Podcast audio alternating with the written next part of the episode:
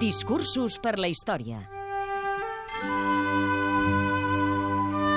Aung San Suu Kyi, 16 de juny de 2012, Oslo, Noruega.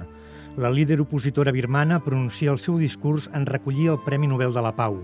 Comença explicant com un dia, escoltant un popular programa de ràdio, li diu en broma al seu fill que un dia la convidaran per haver guanyat el Premi Nobel.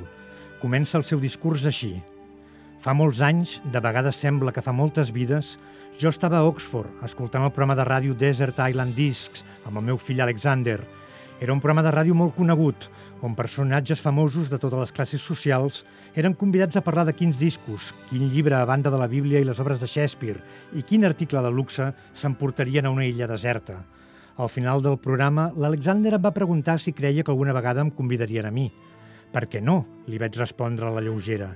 I com que ell sabia que només convidaven a celebritats, em va preguntar per quin motiu creia que jo podria ser la convidada.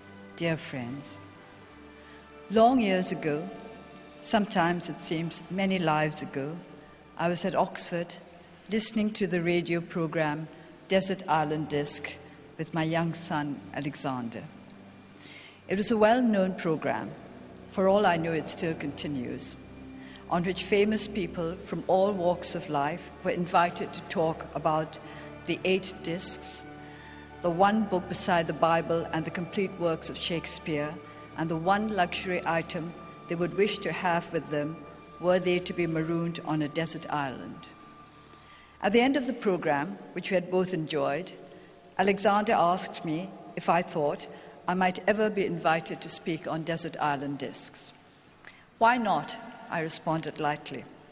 Since he knew that in general only celebrities took part in the program, he proceeded to ask me with genuine interest why I thought I might be invited. I considered this for a moment and then answered, perhaps because I'd have won the Nobel Prize for Literature. El discurs d'Aung. San Suu Kyi passa a la història no pel seu contingut, sinó perquè no el va poder pronunciar fins un any després que li concedissin el premi. Quan va guanyar el Nobel, estava arrestada pel règim militar birmà.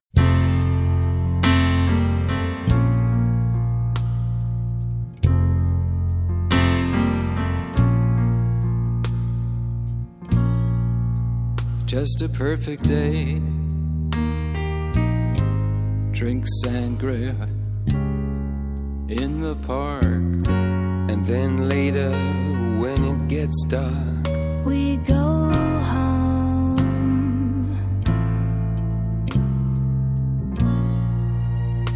just a perfect day.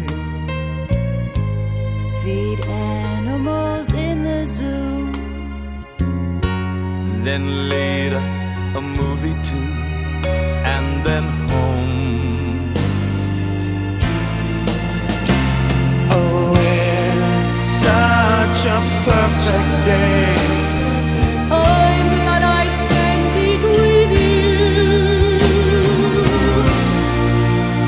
Such a perfect day.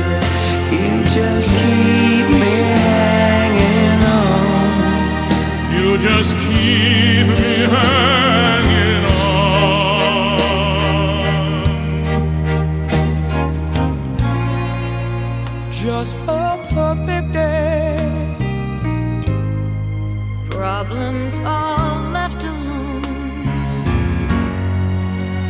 Weekenders on our own. It's such fun.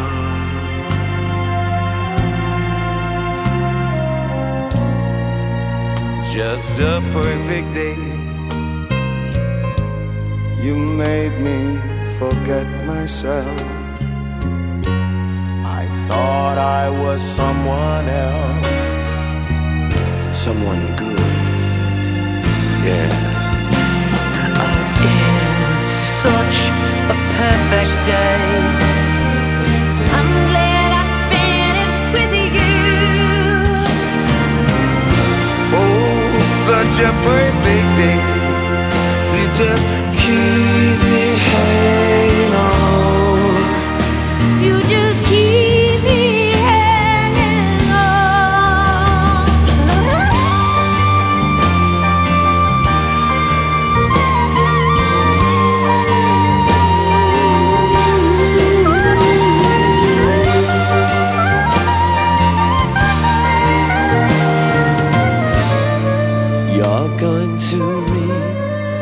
just watch yourself. sow.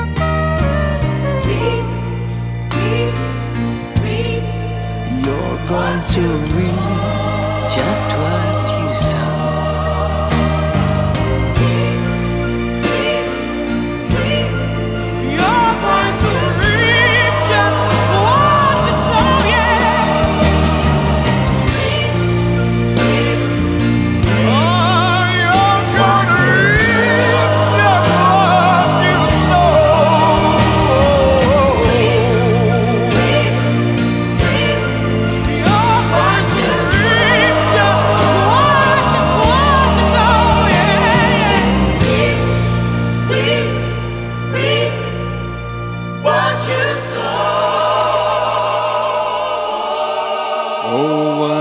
perfect day.